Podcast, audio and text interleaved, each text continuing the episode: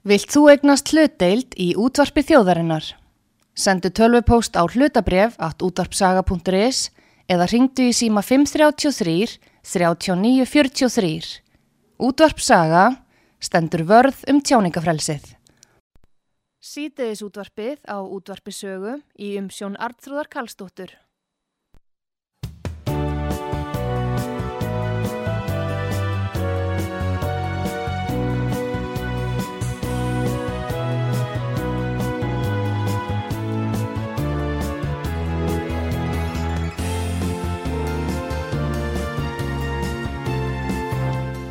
Komið í sælir fyrir að hlusta á útvarp sögu Artrúðu Kallstóttir hlusta hilsar ykkur og uh, ég ætla að bjóða hér velkomin Sigmund Davíð Gullaugsson forma miðflóksins sem er mættur og við ætlum að fara hans yfir svona helstu málin og stöðuna í dag og uh, eins og hann sér þessa hluti sem nú eiga sér stað. En góðan dag Sigmundur Davíð og gleðild ár og velkomin út á sögu. Góðan dag, sumulegis. Gaman að vera komin aftur. Já, hérna, hvernig metur þú þessa stöðu sem er uppi núna í þjóðfélaginu á árunni 2022?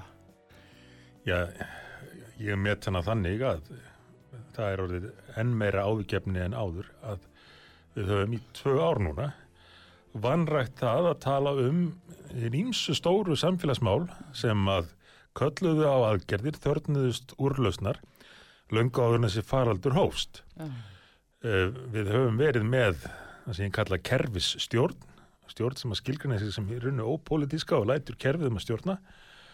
Og um, eftir fyrstu á síðasta kjörtíðanbíl þá var, var það nú farið að hafa áhrif, fólk var farið að kalla eftir því að það er þið bröðust við ímsu sem þa- þarf að laga í samfélaginu. Svo má segja að það hafi fengið skjól af þessum faraldri. Mm. Og verðist líða ágætlega í því skjóli. Uh, nú er bara enn framlenging á því og, og, og það er orðið enn brýtna að taka á, á öllum þessum málum sem að hafa setið á hakanum. Bara til að nefna einhver dæmi uh, staða helbriðiskerfisins það er að skipula helbriðiskerfisins að að koma því í lag. Staða eldri borgara í samfélaginu. Um, efnahagsmálin augljóslega. Það sem að við horfum fram á það núna að ríkistjórnin lætu sér bara vel líka þrátt fyrir að hafa gert ráð fyrir að, faraldurinn myndi klárast lætu sér það vel líka að reka ríkið með viðvarandi halla um alla fyrirsjónlega framtíð.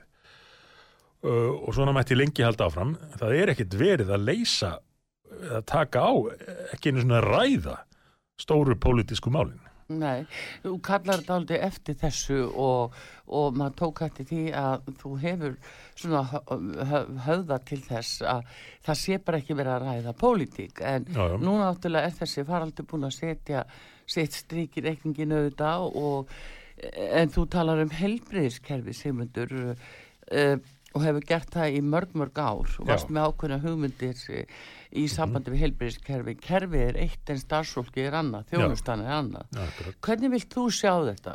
Hva, hvað þarf til til þess að laga þessi heilbyrðismál? Já, eins og bara núna í, ég held að verið í fyrra dag, þá, þá sagði yfirmaður á landsbyttalum held ég að verið. Uh, aldrei þessu vant að skiptingu máli þó, þó að ríki myndi bæta fjármagni í, í helbískerfið í spítalan. Held að við orðaða þannig að að það var hægt að setja alla peningi heiminum í spítalan á þess að það myndi leysa málið. Það er vegna þess að menn hafi ekki tekið á skipulags vandanum í kerfinu. Uh, heilbriðiskerfið er orðið mjög kerfisvægt eins og allt annað í, í samfélaginu og, og verðist eiga mjög erfitt með að endurmeta hvernig hlutin eru gerðir og ekki gera stjórnmálamenninir það við sáum þetta, þetta byrtast mjög augljóslega tengslu með áformum um nýjan spítala sem að í enga samtölum, meira minn allir voru farnir að viðkynna að þetta væri tóm vittlis að halda áfram með áformin eins og voru, en, en bara kerfið hefði ákveðið þetta á sínu tíma og þess vegna varði þetta að gerast með þeim hætti. Við sjáum að, þetta líka í rekstri eins og spítalans, þar sem að hátækni sjúkrahúsið, aðal spítali þjóðarinnar er, er um leiðir, er ekki eins og öldrunarstofnun af því að það er einfallega gleymst að huga að því að, að búa til byggja upp aðstöðu fyrir fólk sem að uh, þarf ákveðna þjónustu en, en á ekkit heima á dýrt Og- að gríðarlega dýrt, gríðarlega dýrt. Við sjáum þetta líka þetta byrstast í þessum frægu dæmum um að ensi verða að senda fólk til útlanda í jafnvel þrefald dýrari aðgerðir en hægt var að framkama hérna heima þannig að menn er einhvern veginn fastir í því fyrirkomulagi sem að sem er við líði og það fyrirkomulagi er ekki að virka sem skildi, það að er ekki alveg í stefnan lagi er ekki í lagi, þetta er meira fjö án hýrðis eins og þetta lýsaði. Já, já, má kannski segja það, já, að, að vissu leiti, uh, en já, hyrðirinn í þessu tilviki eru þetta stjórnkerfi heilbriðismáluna og þá er ég ekki að tala um stjórnmálamennina, þeir hafa verið nú litlu máli skipta hver fyrir inn í þetta heilbriðisráðanitti, þeir eru bara uh, forritaðir fyrsta daginn Já, uh, en, en, en það þarf það þarf pólitíska sín, það þarf pólitíska fórustu til þess að breyta eh, kerfum, til þess að laga eh, hlutina. Eða eftir atvikum pólitíska fórustu og auðvitað, já ekki eftir en líklega þarf það alltaf. Pólitíska fórustu og utanakomandi sín, ráðgjöf um það hvernig best með gera hlutina. Já, en nú til dæmis, ef við tökum bara svo landspítalan, Já. nú var saminingin, samining spítalana árið 2000 og þetta er beilinni staðan eftir þá saminingu þegar lit er yfir þessi 20 ár að hvernig til hefur tekist. Og þar, sko, þannig komið það er engin stjórn yfir spítalanum engin aðkoma. Mhm. og í raun og veru menn geta illa skilgæn hvað verður um fjármunni Já, já, það verðist bara er, vera er raunin. bara allt, stór? Er það og stóra reyningar eða hvað, hvað er það?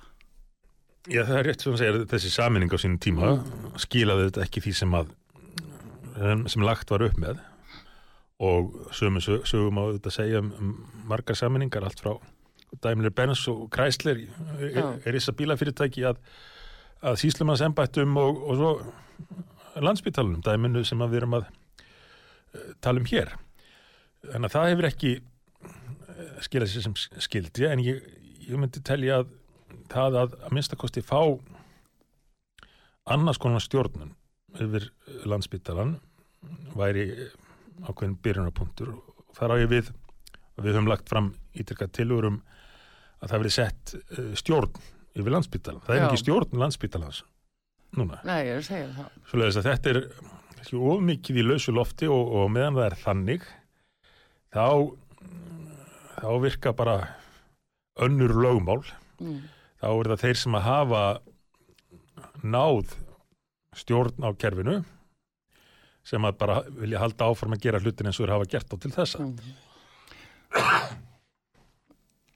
Svoleiðis að það, þarf að hugsa upp á nýtt uh, og uh, breyta kerfinu sjálfu. Það er ekki hægt eins og núna margir hafa ne- nefnt að leysa þetta bara með meira, meiri fjárveitingum. Og svo held ég að þetta líka að leiða okkur að uh, leita nýra lausna til viðbótar. Tökum bara sem dæmi sem að er nú meðlis í bandaríkjunum að varandi, varandi eldri, eldra fólkið sem að þarf aðstóð en, en á kannski ekki að leggja inn á landsbytanum það er til dæmis sem starf bóðið upp á upp á einingar í námi Mm fyrir uh, ungt fólk sem að tekur að sér að fara í, í búð, apotek fyrir eldri borgara, fylgjast með þeim, ringja, Já. heimsækja. Mm. þá sem að eiga kannski ekki aðra að. Og þetta er bara metið sem hluti af náminu. Þar eru líka uh, svona uh, hús þar sem að eldri borgarar geta komið saman, auðvitað eru til félagsmyndstöður eldri borgari hér. En, en þar fer fra, samt fram meiri starfsemi. Til dæmis lögmenn sem eru hættir að vinna uh, orðnir eldri borgari sjálfur þeir veita þannig ráðgjöf aðstóð eldri borgarna í að fást við kerfið. Mm. svona, þannig að svona samfélagið samfélagið allt tekur meiri þátt. Uh, mér finnst eldri borgarar eiga ómikið og hættu hér að uh, einangrast eða vera bara lokaðir inni á, á, á landsbytanum já, bara eru kennitala, það er bara númer. Já, Já. við þurfum meiri við þurfum að, að endur vekja það sem ég, maður ímynda sér að hafi nú verið meira henni í gamla daga að, að við séum á öllum aldrei eitt samfélag sem að menn hjálpa stað. Já, En, en, er það auðvitað leysir ekki öll heilbriðismálun en ég er bara að nefna þetta sem dæmi um, um það hvernig við hvernig eh, þróunin hefur ekki alltaf verið til eins betra. Nei, en það, talandi um þróun, uh, nú er, uh, hefur orðið bara umtalsverð breyting á íslensku samfélagi Mm. á og skömmum tíma og mörgum er kveld brugði, það er ákveðin innræting, það er ákveðin réttrúnaður, það er ákveðin sko þrýstingur um bara alþjóðavæðingu, uh, sko hvað hefur orðið um þessa sérstuð okkar að eiga að vera þjóð? Þetta er bara stórkoslegt áhugjefni og sérstaklega þessi missirinn og þessi þróun uh, hún verður alltaf hraðar og hraðari. Það er hröðun í, í, þróunni, skulum við segja. Og uh, það er mitt þetta, ekki hvað síst, að, að það er farið að líta þeir sem eru svona já, nýja elitan, ef við getum, getum kallað það, farið að líta á uh, þjóðríkið og þjóðir sem einhvað neikvætt uh, fyrirbæri Já, og uh, það sé uh, gamaldags að, að hver hópur sé að hugsa um sig og, og, og sína meðlimi sem að er þó uh, gegnum tíðina hefur verið uh, líkillin að árangri eins og Íslendinga. Við, við náðum fyrst árangri þegar við gátum farið að taka ákvarðinir út frá okkar eigin hagsmunum. Og tróka fórsendum. á okkar fórsöndum og þetta var hluti af því og í, í þáu okkar hagsmun að eiga sem best viðskipti og samskipti við önnur lönd Mhm. en það höfum við gert það í gegnum tíðina. En við þurfum enga að síður að geta tekið þær ákvarðanir sem að henda okkar aðstæðum. Og við höfum séð áhrifin af því í þessum stóru efnaðsmálum liðin ára eins og æsef og uppgjöri slitabúa bankana og allt þetta.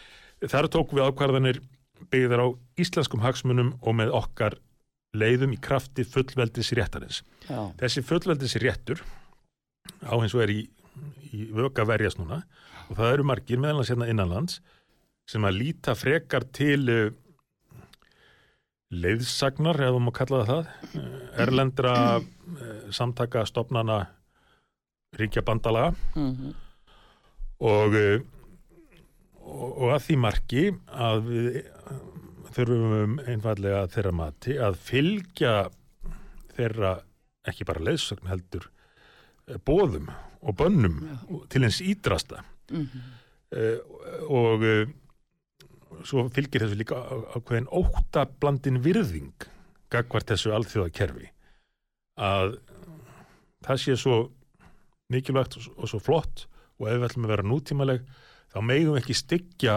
alþjóða kerfið mhm. Uh, eða, eða standa að nokkur hátt að mót þessar, þessu flóði alþjóðavæðingarinnar. En nú erum við náttúrulega aðilara EES samningnum og uh, það var breyting á honum árið 2009 sem ekki mikið hefur verið talað um. En þetta þýðir samt sem áður að við erum undir erlendu bóðvaldi og yfir þjóðleitt vald að hluta til. En eh, sko finnst þér þú merkja það þegar þú lítur bara yfir síðasta áratug eða svona eh, bara fyrir eftir að hruni til dæmis? Þegar þú lítur yfir þetta Sigmundur hvað raunverulega hefur gerst? Á hverju hefur þetta farið svona frá okkur? Hva, hvaða veiku lekkir eru þarna? Hvað er það sem gerist? Já, það er rétt sem hún segir að EES-samningurinn er náttúrulega gjör breyttur frá því sem að áður var. Ég er nú stundum nefnt sem dæmi um þetta að þegar ég var að vinna sem fréttamaður á ríkisúttarpinu þá áttu við þar eintak af EES-samningnum já, og það voru svona fjórir til dælu litli bæklingar samningurinn. Núna uh, fyllir þessi samningur örgulega fleiri, fleiri, fleiri hillumetra af möppum. Já, og, og hann stækkar og stækkar og verður flóknari og, og flóknari. Uh, og þetta er einhvað sem að við eigum ekki að sætt okkur við að gerist án þess að við að minnstakosti ræðum áhrifin. En menn verðast vera smekir við það að ræða áhrifin vegna þessa sem ég nefndi á þann menn eru svolítið litlir í sér gagvart þessu alþjóða kerfi og, og alþjóða, þetta alþjóða kerfi og allt svona kerfisvald það gengur á lægi, það verðist bara verið í eðlið þess. Mhm. uh, sjá nú bara eitt dæmi sem að við höfum nefnt hérna áður um það hvernig þetta allt saman virkar. Það var þessi þetta Marrakesh uh, Já, svo kallað.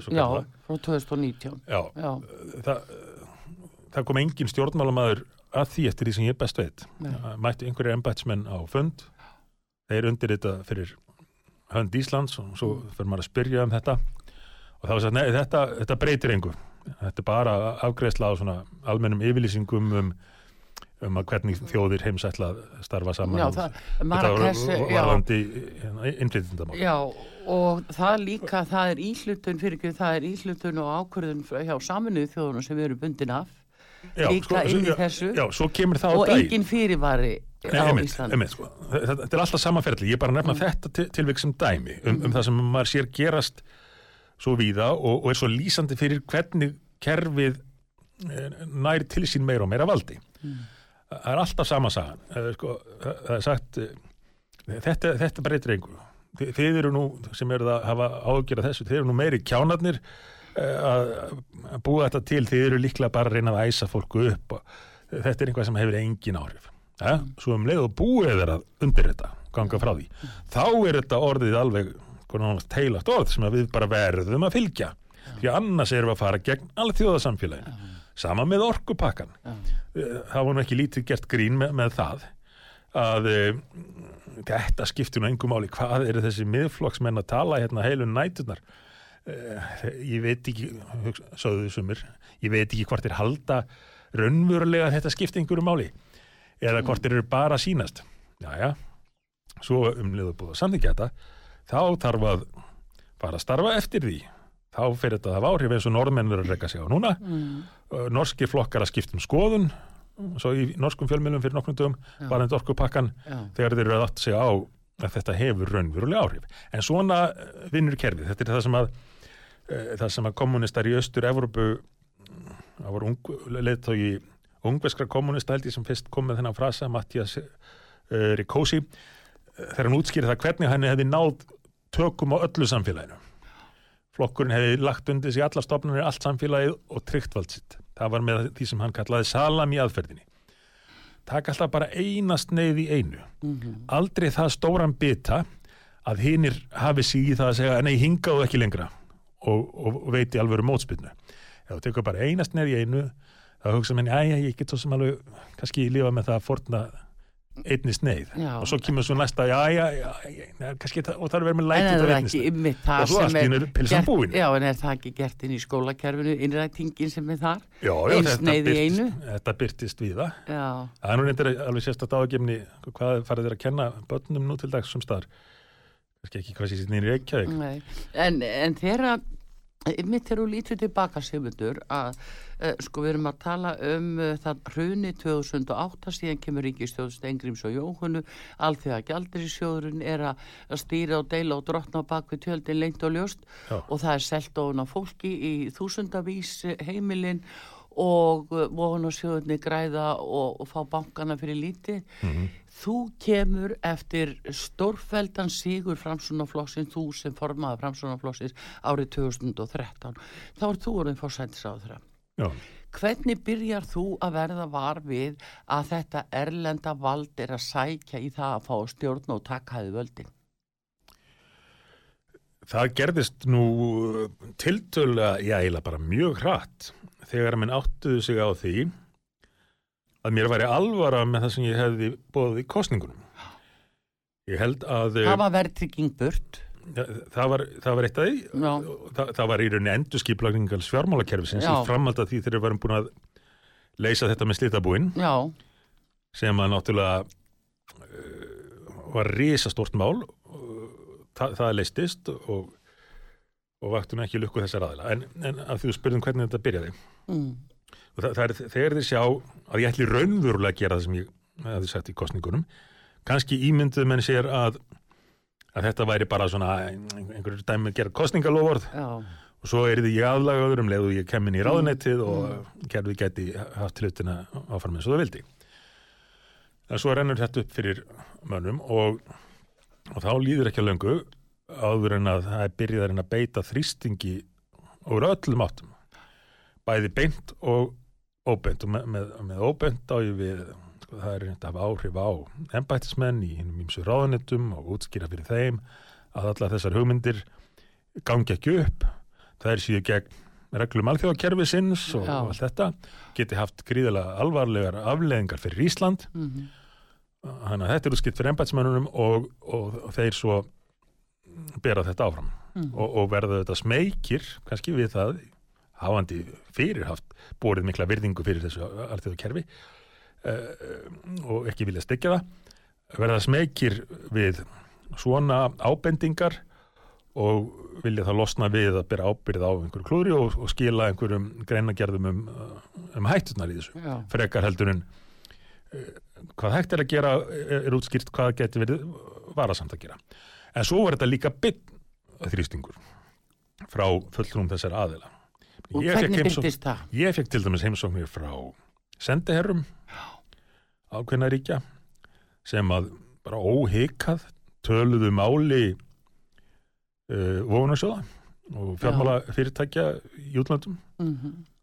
með svona einhverjar kurtislega orðaður auðvitað, að hætti diplomata en samt viðvaranir um, buðu þeir þér eitthvað í staðinn ef þú myndir uh, greiða götu þeirra ja, til dæmis? sendiherrarnir náttúrulega segja bara ja, það er mikilvægt að við höldum hérna góðum Já, góðu sambandi, samstarf ríkjana hefur gengið vel undan farin ár Mm. og við viljum ekki rugga þeim báti og svo framins já, en það voru eins og er aðrir sem buðu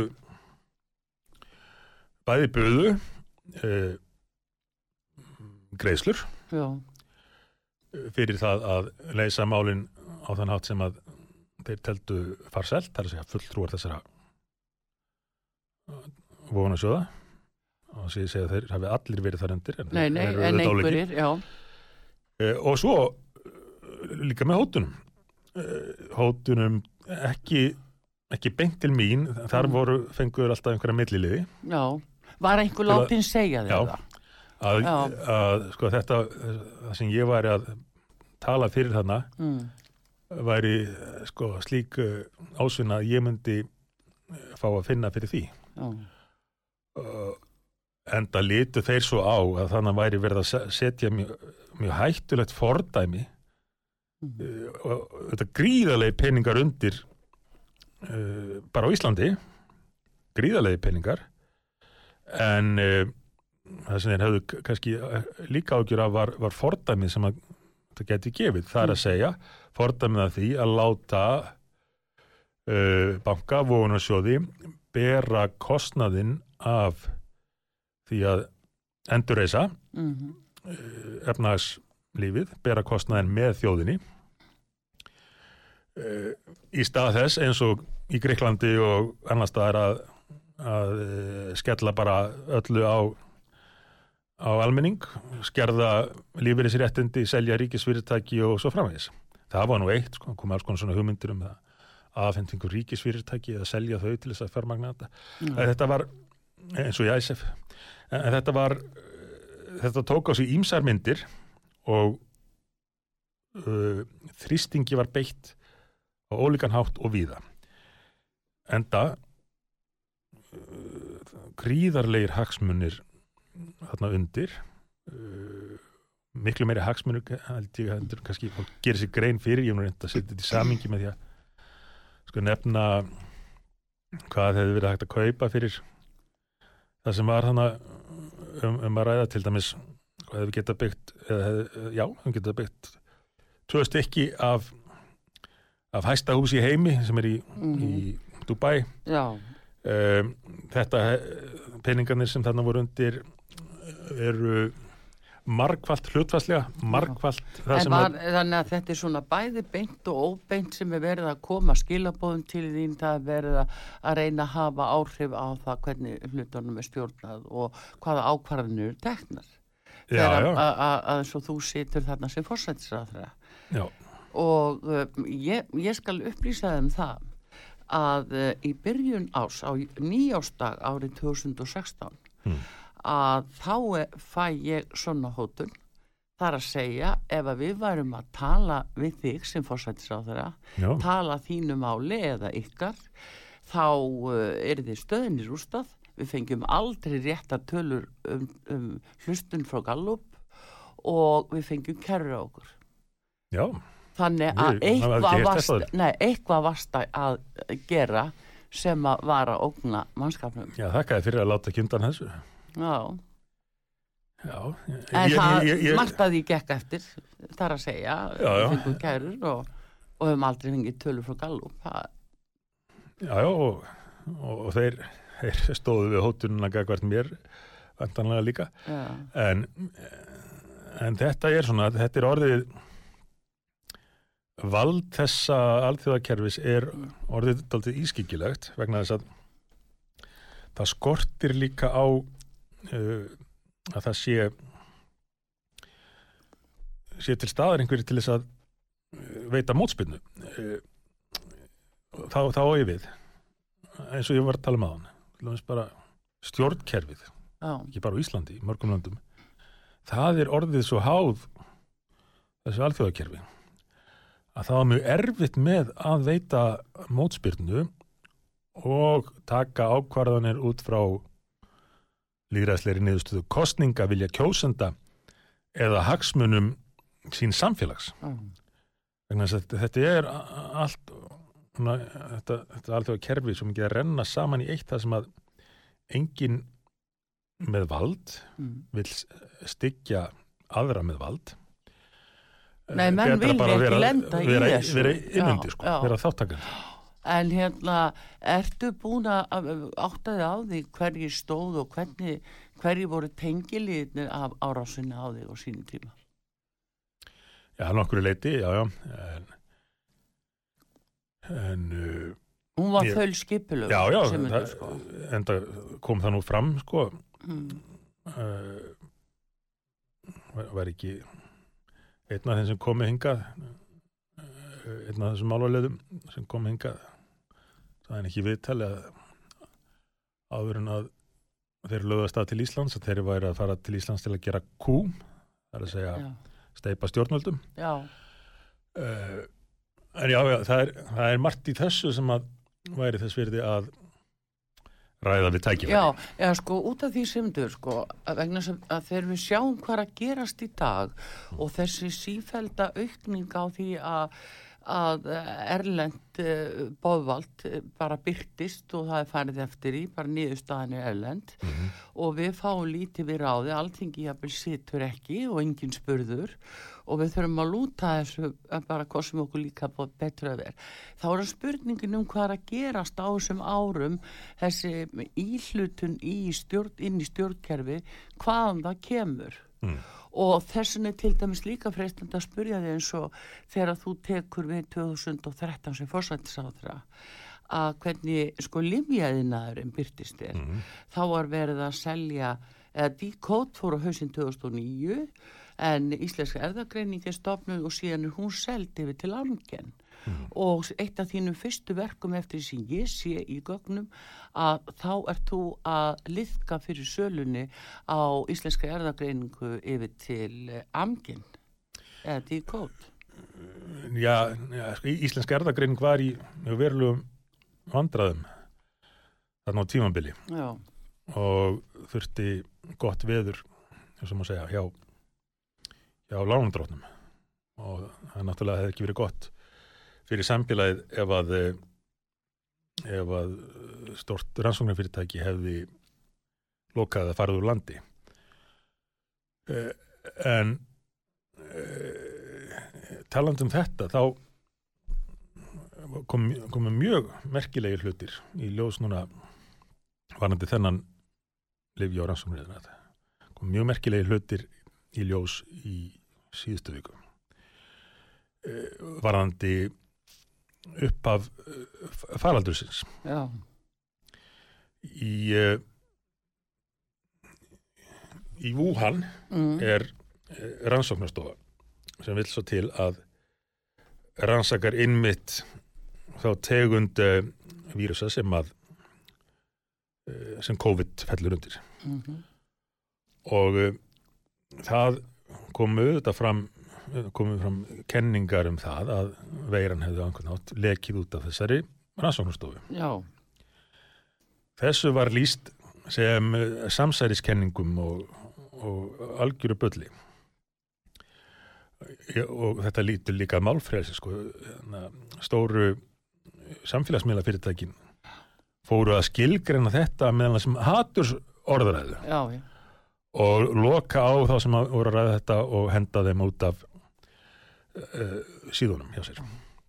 Jæja, svo líður nú tíminn og nú verðast uh, vísindamenn almennt held ég verið að komast á það skoðan að allar, það sé alla líkur á því að þetta hafi verið raunin að það hafi ekki verið tilviljun að veiran hafi komið upp rétt við þessa rannsóknarstöð og rauk nýja því en þá að þessum merkilegu fréttum sem að ég hef ekki séð byrtast hér á Íslandi Mm. Að bandarískir þingmenn kölluðu eftir uh, gögnum um, uh, um þetta umræðu sem hafði átt sér stað rétt eftir að faraldurinn komu upp. Já.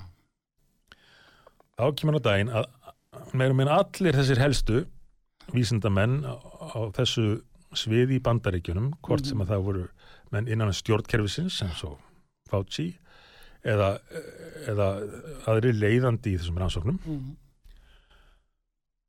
Voru sammálum það að öllum líkindum hefði þetta komið af rannsóknarstofunni. Og skrifuðust á um það að það væri bara, það gengil ekki upp. Hann fyndi enga leið til þess að skýra að þessi stökkbreyting hefði geta átt sér stað í náttúrunni. Mm hann hlita hafi verið búin til. Þessi sömu menn Mm. nokkrum dögum setna held ég að verið. Byrtu svo bref ofinberlega Mhm. sem að var fréttaefni hér og annars staðar. Þar sem þeir fordæmdu svona vangaveltur sem samsæriskenningar og bull. Og það var ráðist á þá menn sem að þorðu að halda þessu fram. Með öðrum orðum þeir vissu betur Mhm. en engu að síður fóruður í, í þessa fordæmingu. Og skýrðu það þannig sín á milli að það væri vegna þess að þeir óttuðust að ella myndi traust á vísinda samfélaginu rýrna og að þetta gæti haft slæm áhrif á alþjóðakerfið, Já, á alþjóðasamskiptin. Akkurat alþjóðsvæmski. og það er þess vegna sem ég er að nefna þessa sögu mm að því að hún tengist öllu sem við erum búin að tala um fram að þessu. Já. að þarna eru mjög færir vísindamenn Mm sem að skrifa ofnbæra yfirlýsingu sem fer í allar fréttir Mm. uh, for, reyna að loka á umræðu Mm. og jafnvel fordama þá sem er að halda því fram sem að þeir sjálfur vissu Mm. og af hverju gera er það af því þeir vilja ekki styggja alþjóðakerfið þeir vilja ekki styggja kerfið heima hjá sér en það hver var afraksturinn margir þessara manna skiptu skömmu síðar á milli sín 8,9 miljón dólarar styrk til rannsókna á þessar veru og þetta, þetta aðilar. já, já. og þetta byrtist svo víða að fólk bara sér sér ekki fært annað eða, eða, telur hag sínum best borgið bara að spila með Já, já. En sjáðu mig þegar þú segir þetta að eh, hvernig er svona ráðist að þeim sem er að kannski að tala um uh, sannleikann og, og, og eða er þá ekki eins og svona já, leirbrúða í höndum annara sem vilja ráða. Um, ég minnist við, á við þig þarna þegar að uh, þú ert orðin forsættisráður og greiði fyrir sölni á þetta í kót eða íslenska erðagreiningu yfir til Amgen. Amgen er félagi sem að auðvitað selur okkur alla pinnana og þeir hafa gríðarlega fjárastlega hagsmuni að því að uh, hér sé vera mikil sínataka í gangi sem dæmi. Þetta er sama félagið. Já, já sko, þetta snýrnum þú kannski ekki beint um að greiða fyrir sölu fyrirtækinu þetta aðkoma, aðkoma stjórnvalda var vegna fjárhagsvandraða uh, fyrirtækisins gagvart uh, Voru það staðfesta mikilvægi þess fyrirtækisins. snýrstu mikilvæg fyrirtækis. Já, já, já, já, ég myndi eins og beðurum. En það var líka jafnskrítið að það er nú svona yfirleitt að fólk heldur sér á mottunni gagvart fórsættisáðara landsins að uh, þá eða fyrsta svona svífyrðilega greini sem byrtist um þig, hún kemur frá Kára Stefánsinni sem að var sá maður sem baði um að hjálp og þú hjálpaðir en hann launaði svona. Já, já. Kári Stefánsson er eins og hann er eins og menn hafa síðan undan farin ár. Já, Ég held að flestir hljóti nú vera að fara, að gera sér grein fyrir því. Já, en, en sagði þetta þér eitthvað um það sem að kæmi á eftir uh, hvað myndi fylgja með á eftir eins og við stöndum fram fyrir þetta Já, ég veit ekki hvort að þetta, þessi náungi var, uh, var svona fyrsta viðvörun, ég held ekki, ég held að þetta hafi verið byrjað að koma í ljós sko áður. Og, og svo bætist það þetta við að uh, þegar stjórnmálamenni í hlut þá eru þetta margir sem sjá sér hag í því að uh, reyna að koma á höggi. Já, Þannig að það myndast svona oft undarleg bandalög um það. Sjáðu bara til dæmis þetta stóra sérkennilega bandalag sem hefur orðið til uh, ekki bara Íslandi, heldur við að milli, milli vinstrimanna eða fyrrverandi vinstrimanna, en nú er alltaf hægt að kalla það vinstrimenn lengur. Nú er þetta svona einhver já, vinstri, vinstri menta og menningar elita, þessi nýjaldar politík og alþjóða fjármálakerfisins. Við sáum þetta byrtast á Íslandi í ISAF deilunum en við höfum séð þetta gerast í, í öðrum löndum líka og það er vegna þess að báðir aðilar þessir, þessir nútíma minnstyrmenn, mm við kalla þá og þetta alþjóða fjármálakerfi vilja uh, umfram allt vera hluti af uh, þessu nýja heimsskipulagi og sem að segja já, alþjóðakerfisins og saminast um, hluti eins og eins og einhverja græna stefnu og, og, og hitt og þetta. Loftlagsmálin loftlagsmálin já, já, akkurat. Mm. en, en njóta sko svo, svo um leið báðir hagsmuna af þessu sérkennilega bandalagi. Getur í ímynda er að, að vinstri flokkar hér, hér áður hefðu verið komnir í, í hagsmunagesli bandalag með alþjóða fjármálakerfinu það hefði verið óhugsandi á sínum tíma. En nú einfallega eru tímannir breyttir og þessir flokkar eru mjög breyttir. Og er ekki lengur vinstri flokkar í þeim skilningi sem þeir voru. Þetta eru flokkar sem snúast um nýja réttrúnað. Og, og, og aukið vald og aukið bóðum þessa nýja réttrúnað, það hendar alþjóðakerfinu, alþjóða fjármálakerfinu þar á meðal ágætlega. Já, þá erum við að tala um uh, New World Order í raun og veru þessa stefnu sem að, að uh, er verið lengt og ljóst að fara eftir Já, já. Þetta, og uh, sko svo, svo halda menn því fram eins og með veirun á þetta að, allt svona tala sér einhverja samsæðiskenningar mm auðvitað eru til alls konar samsæri alls konar rugl samsæðiskenningar meðal annars sem lúta að þessu. En hér eru við ekki að ræ- ræða neitt samsæri heldur bara það sem við sjáum byrtast Já, já, Eh, þetta er ekki einhvað einhvað plott sem að enginn má vita af. Þetta er bara fyrir opnum tjöldum. Við höfum séð að byrtast hér á Íslandi í bandalegi íslenskra vinstriflokka og vogunarsjóða í New York og, og London. Já. og við höfum séð þetta byrtast í, í fjölda landa á, á ímsan hátt Mm. og líka í því þegar að vinstriflokkar uh, uh, láta undan kröfum einhver alþjóðastofnuna og bankana um, um að skella skuldinni á almenning og láta hann um að bera tap þýskra banka til dæmis í Greiklandi. já, akkurat. En hérna, en þá er, erum við að tala um Davos meðal annars, þarna er, þarna er samkundan. Já, já, er- Línurnar eru lagðar í Davos.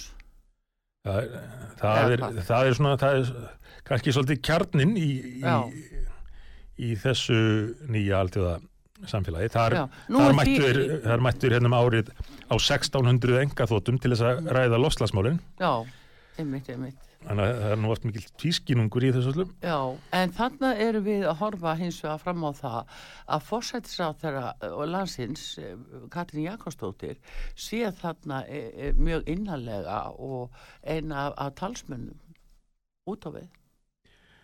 Já, þetta er, já, það væri þá afleðing af þessu sem ég var að tala um hérna, þessu sérkennilega sambandi við, milli nýr, nýju vinstriflokkana Mm. eða breyttu vinstriflokkana og Veistu þess til alþjóðakefis þess að hún sé þar? í Davos. Já. Ég, ba, ég veit ekki hvort hún, hvort hún hefur mætt þar en uh, geta ólíklegt að henni hafi verið bóðið sem, sem fósettis ráð Já, eru margir íslenskir svona ráðamenn uh, þarna í Davos? Eru þeir inn í þessari, þessum hóp? Ég veit ekki með, uh, ráðamenn eh, en nokkrir, Stjórnmálamenn? ekki mér vitanlega, en það eru þetta nokkrir mjög efnaðir Íslendingar sem hafa mætt þarna og, og uh, komið í fréttir. Já. Jálóður Ragnar og hefur þetta Jú, jú, hann hefur náttúrulega verið, verið þar, í- já, já, í einhverjum norðarslóðumálum eða slíkt. já, en ég veldi fyrir mér enn stjórnmálamenn sem hætta þarna. Ég bara veit ekki. Þið hafi ekki verið að ræða það hvort að það geti verið því að nú er það svona einhvern veginn að leka út, að, leka út að bara að tala um það sem staðrind að þannig að séu íslenskir jafnvel ráþerar og það eru meðal fórsættisráþerar. Já, kann að vera uh, og í sjálfi sér væri það kannski ekki alvarlegt og mætti þennan fund það sem er verra er eins og er ef menn menn verða undirgefnir uh, þeirri stefnu sem að verðist vera ráðandi hjá hjá þessum nýju risum Já, en það, sko, hvaðan kemur þessi stefna sem er verið að taka upp hér á Íslandi? Alla þessa breytingar. Eh, sko, eh, einhver, einhver leggur blessun sína yfir það, við þurfum að fá að vita það að sko þessi, þessi svona alþjóðvæðing eða elítuvæðing, hvað sem við höfum kallað það að þetta svona endurspeglar eða þess, þessa skipuna við mögum ekki ráða því eða hver við erum sjálf Já, já, algjörlega.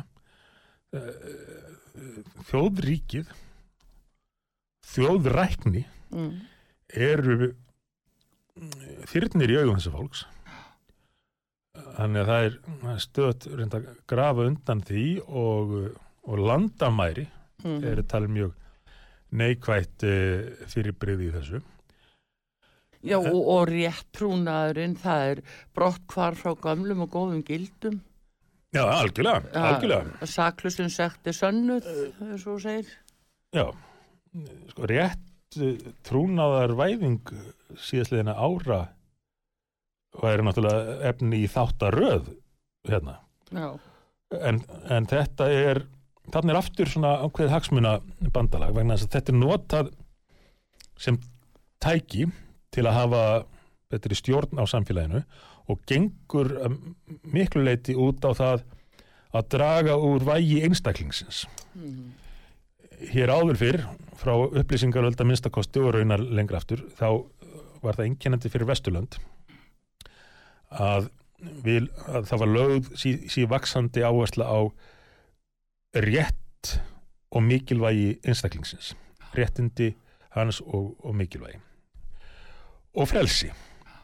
Frelsi einstaklingsins í, í samfélaginu og við, við komandi áttu þetta að fara vel með það frelsi og nýta til þess að byggja upp sitt samfélag og þar komu inn hlutir eins og ákveðin, ákveðin menning uh, uppbyggingar sinnuð menning og, uh, og, og krafan ekki lögformleg krafa heldur svona siðferðisleg krafa um að uh, taka þátt í að byggja upp samfélagið og skilja eftir betra samfélag fyrir, fyrir komandi kynnslóðir. Nú er verið að snúa þessu haus og jamt og þétt verið að draga úr frelsi einstaklingsins, hann á í síöknum mæli að hlýta einhverju leiðsögn eða bóðum ríkisvaldsins um hvað hann má, má gera, hvort hann megi sko, nota plastpoka eða ekki, þetta er, þetta er komið það langt. Og, og það er líka verið að uh, fara frá áherslu á einstaklingin að allir einstaklingar eigi að vera jafnrétt háir yfir í hópa Mm. skipta samfélagunum upp í hópa hópa sem hafi sem séu metnir á ólíkan hátt hvað fólk gerir og segir núna er að miklu leiti fyrst og fremst metið út frá því hvaða hópi viðkomandi tilirir Mhm. og réttindin jafnvel Mhm. taka mið af því hvaða hópi viðkomandi tilirir og svo er svona píramitakerfi þar sem að sumir hópar eru réttærri aðri en aðrir. Þetta er einhvað sem við höfum séð gerast alltaf. Ekki stundum, heldur alltaf þegar að öfgareyfingar ná tökum eða öfgar aukast í pólitík í samfélagum það gerist alltaf með því að skipta fólki í hópa og á þeim fósendum að verið sé að verja eða rétta hlut einhvers hóps sem hafi hallað á. Uh, og svo er jafnum bætt við einhvers konar neyðarástandi sem kalli á brottkvarf tímabundistundum í fyrstu brottkvarf frá þeim grundvallarreglum sem hafi gilt Mhm. en a- allar öfgarhefingar byggja á því að verja eða rétta hlut einhverja sem hafi hallað á það er að segja uh, menn rétta þetta vald sitt í krafti einhver sem skil, má skilgruna sem jákvætt Já, já, en sjáðu til dæmis stöðu eldri borgara hér á Íslandi. Sem að, að eh, virðast, þeim finnur stöðu fæk, neina fjölgandi segi og en e, það er aftur á móti mikil tregða að eh, rétta eldri borgarum hjálparinn með að jafnvel ekki vinna eftir sjötugt sem að fá skerðingar. Já, já Hva, Við hvaða nú- andúð er þetta? Hvaða Við stefna er höfum nú ítrekkað rætt þetta Re- reyndar sko, hluti af þessu þessari, þessum nýja réttrúnaði Mm. er, felur í sér mikla sko, aldursfordóma og ástæðan fyrir því held ég að sé fyrst og fremst svo að eins og oft gerist með svona konar menningabildingar þá fara menn að líta á allt til liðna sem neikvætt og þá eldri sem hluta af liðnum tíma. Já, Eh, gamla, af, leifara gamla heimin það er bara gamla Ísland. Já. Og, og þetta sjá við dálítið, byrta sérna á Íslandi en frekar jafnvel í í öðrum löndum. Uh, og, þetta minni mann svona svolítið á svona ákveðin enginn í kínversku menningabeltingarann það sem að allt eldra fólkið uh, var talið hluti af einhverju mm. sem var í liðin tíð Mm. og uh, því var snúið við jafnvel í kennslustofum sko, uh, ungmennin sem var búið að innræta hjá flokknum Mm. áttu að taka þá eldri í kennslustund Já.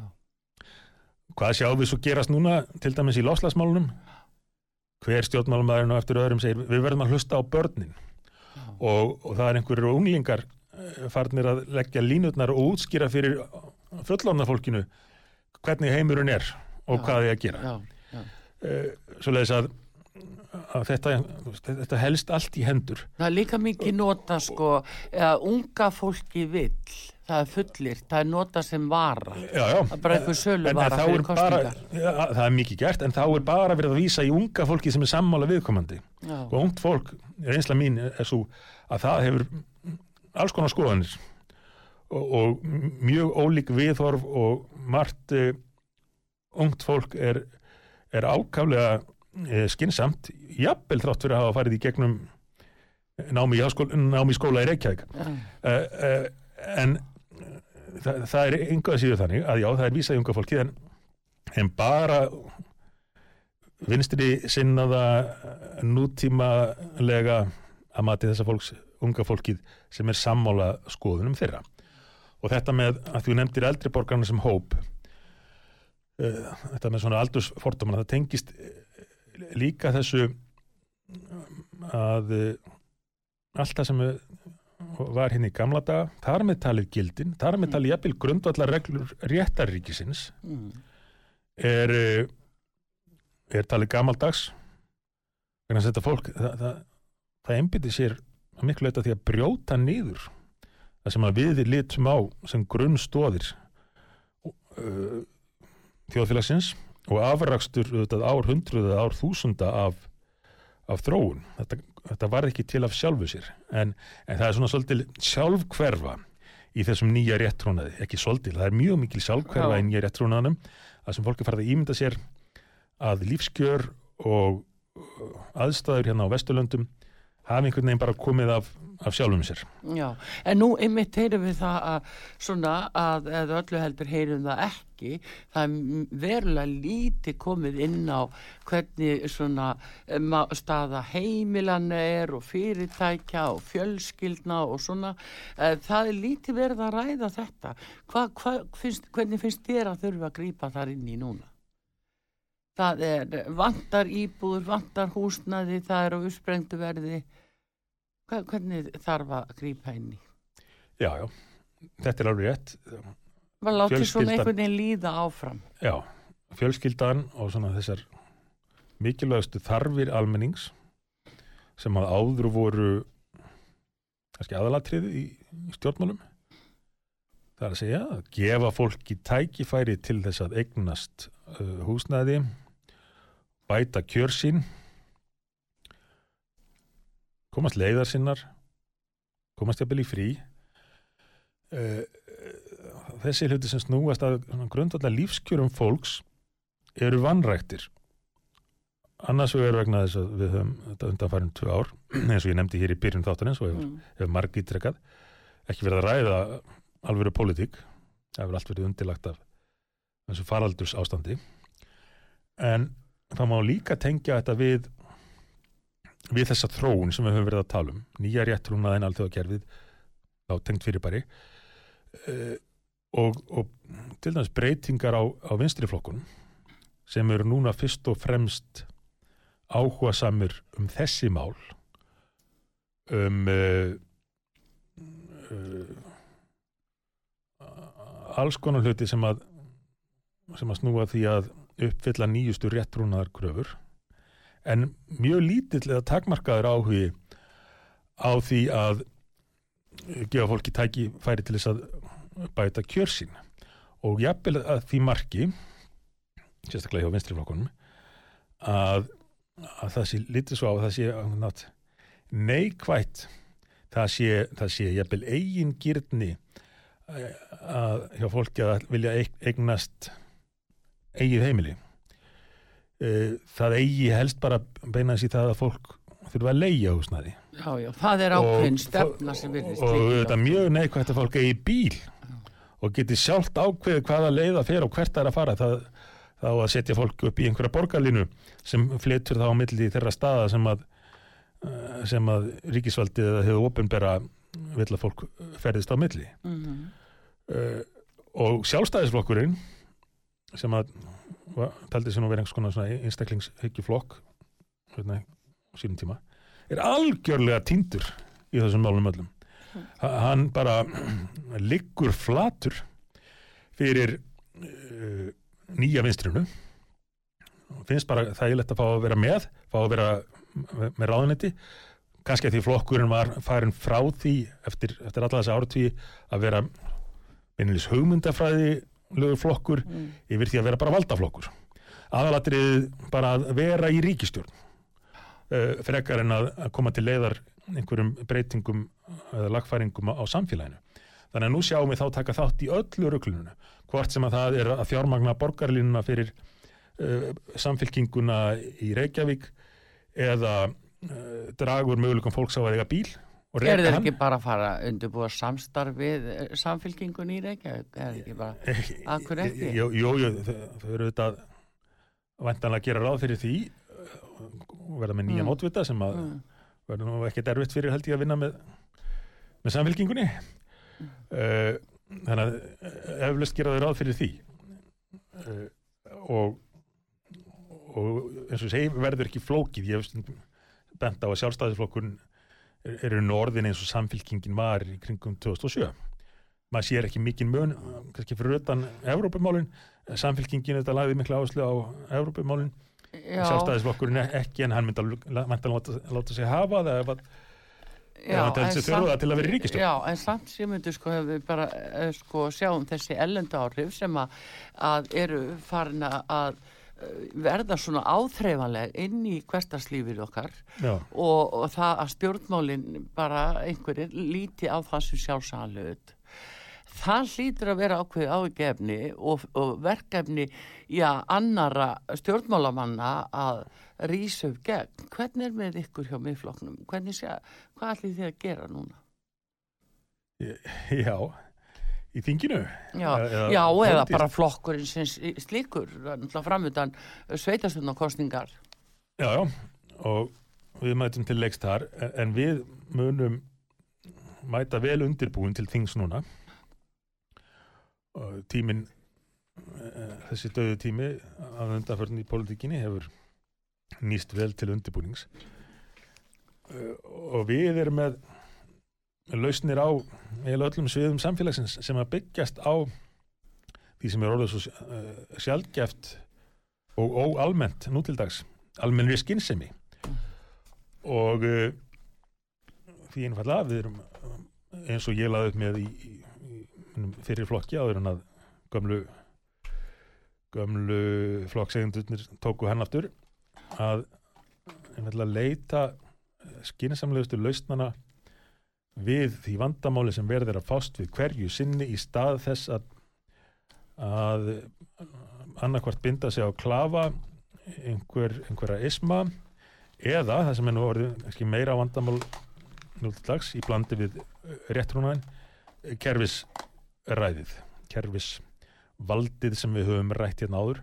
Já, með öðrum orðum það er var það að skipta allt og miklu litlu máli hvaða flokka fólk kýst það fær alltaf sömu stjórn já, já en sko við erum á bara miklum tímamótu núna, ég hef líka út af þessum faraldri, það er nú búið að, það eru komna nýja reglu núna með bara tíu koma saman, þannig að það er sýnilegt að alþingi kemur ekki alveg heilt saman á næstunni, þannig að lögjafaldinu er haldið til hliðar, svo leysa að uh, þetta, er, þetta er ákveðin tímamót í Já. stjórnmálum og fyrir þjóðin alla. sko al, alþingi reyndar hefur undan þá en þó á þeim fossendum að þingmönnum er dreift uh, Já, mörg jú. herbergi og, og það og fyrir vikið þá, þá hefur einhvern veginn ekkert myndast neginn alvöru stemning sem að segja í þinginu þetta er þetta er búið að vera hálf döitt allt saman það myndast ekki í alvöru pólitísk umræða að neinu marki og uh,